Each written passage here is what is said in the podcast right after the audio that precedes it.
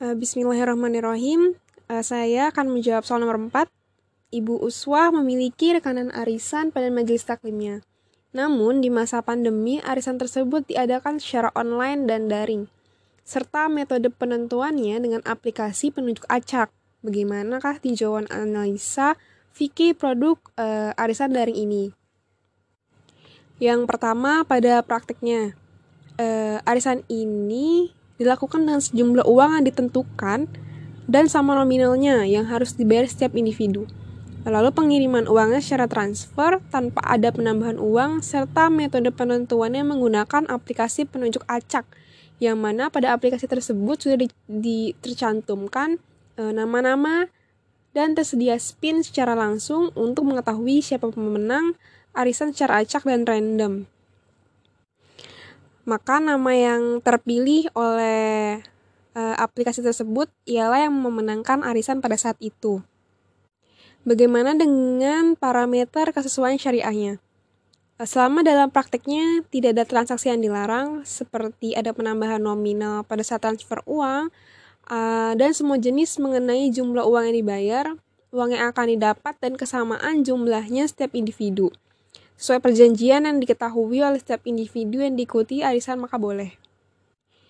Karena penentuannya dipilih dengan aplikasi secara random dan acak, uh, yang juga diketahui oleh seluruh individu yang mengikuti arisan tersebut, maka pemenangnya pun dipilih secara adil. Apa, apalagi arisan tersebut diikuti oleh orang-orang terdekat yang kita kenal uh, backgroundnya, maka akan tumbuh saling percaya satu sama lain. Arisan daring ini uh, sesuai dengan firman Allah Subhanahu wa taala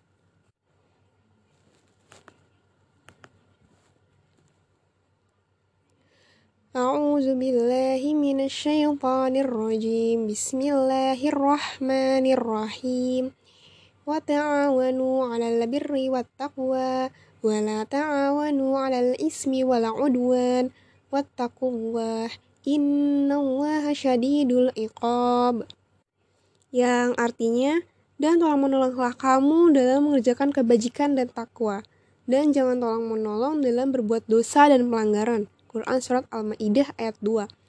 Nah, ayat tersebut memerintahkan kita untuk saling tolong menolong dalam kebaikan. Uh, sedangkan tujuan arisan itu sendiri adalah tolong tolong menolong uh, orang yang membutuhkan dengan cara iuran secara rutin dan bergiliran untuk mendapatkannya. Maka termasuk dalam kategori tolong menolong yang diperintahkan Allah Subhanahu wa taala. Lalu hadis Aisyah radhiyallahu anha ia berkata, Rasulullah SAW apabila pergi, beliau mengadakan undian di antara istri-istrinya.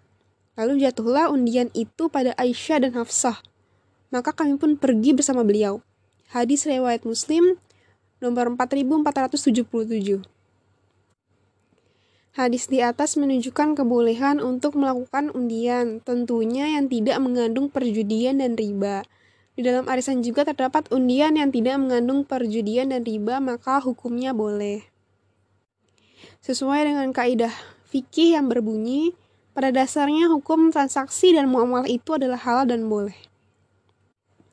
Dan juga Ibnu Taimiyah berkata di dalam uh, Majmu' Al-Fatwa, tidak boleh mengharamkan muamalah yang dibutuhkan manusia sekarang, kecuali kalau ada dalil dari Al-Quran dan Sunnah tentang pengharamannya.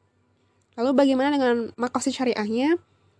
Tujuannya adalah tahun, saling tolong menolong, apalagi dalam keadaan uh, seperti sekarang. Maka arisannya juga dilakukan secara daring uh, untuk mempermudah.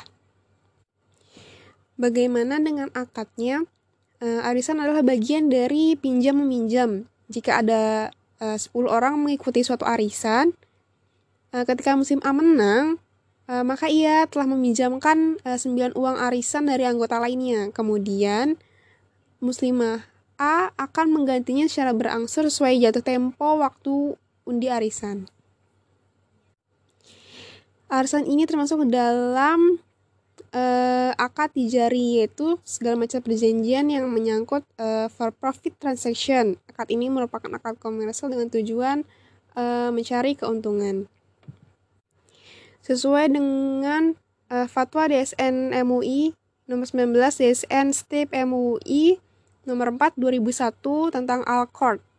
Al-Qard adalah pinjaman yang diberikan kepada muktarid yang memerlukan dan wajib mengembalikan jumlah pokok yang diterima pada waktu yang telah disepakati bersama. Dan uh, eh, AAOIV Standar Syariah nomor 19.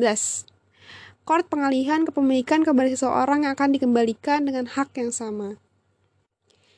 Dan sesuai dengan uh, regulasi pasal 19 huruf E Undang-Undang Perbankan Syariah nomor 21 tahun 2008 akad pinjaman dana kepada nasabah dengan ketentuan bahwa nasabah wajib mengembalikan dana yang diterimanya pada waktu yang telah disepakati.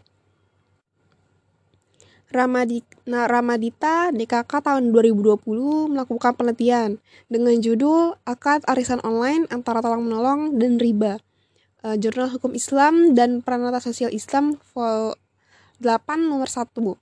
Dalam hasil penelitiannya mengatakan bahwa hasil penelitian ini menunjukkan bahwa praktek arisan online termasuk ke dalam akad court. Peserta arisan online melakukan arisan dengan saling rela dan tidak keberatan dengan perbedaan jumlah iuran. Dalam kitab Undang-Undang Hukum Perdata, praktik arisan ini termasuk ke dalam perjanjian utang piutang. Lalu berita juga uh, telah menginformasikan tentang arisan daring ini. Dari kumparan.com, uh, Ustadz Hardani Hefni mengatakan hukum harisan itu boleh dan tidak tergantung dari praktek yang berlaku seperti apa kalau saling percaya. Orang yang kita kenal semua dan uang yang kita serahkan dengan uang yang, yang kita dan terima jumlahnya itu sama. Maka hukumnya boleh. Tapi jika mengandung resiko besar dan menimbulkan mudarat, harus dihindarkan, apalagi sering terjadi kasus penipuan. Untuk itu lebih baik dihindari, katanya. Lalu, bagaimana dengan manajemen risikonya? Arisan online ini memungkinkan sekali terjadinya penipuan. Maka, e, sebagai pelaku dari arisan online ini, ada baiknya dilakukan oleh orang yang kita kenal. Kita kenal dan dekat, seperti keluarga, agar hal penipuan ini juga tidak terjadi. Sekian, wassalamualaikum warahmatullahi wabarakatuh.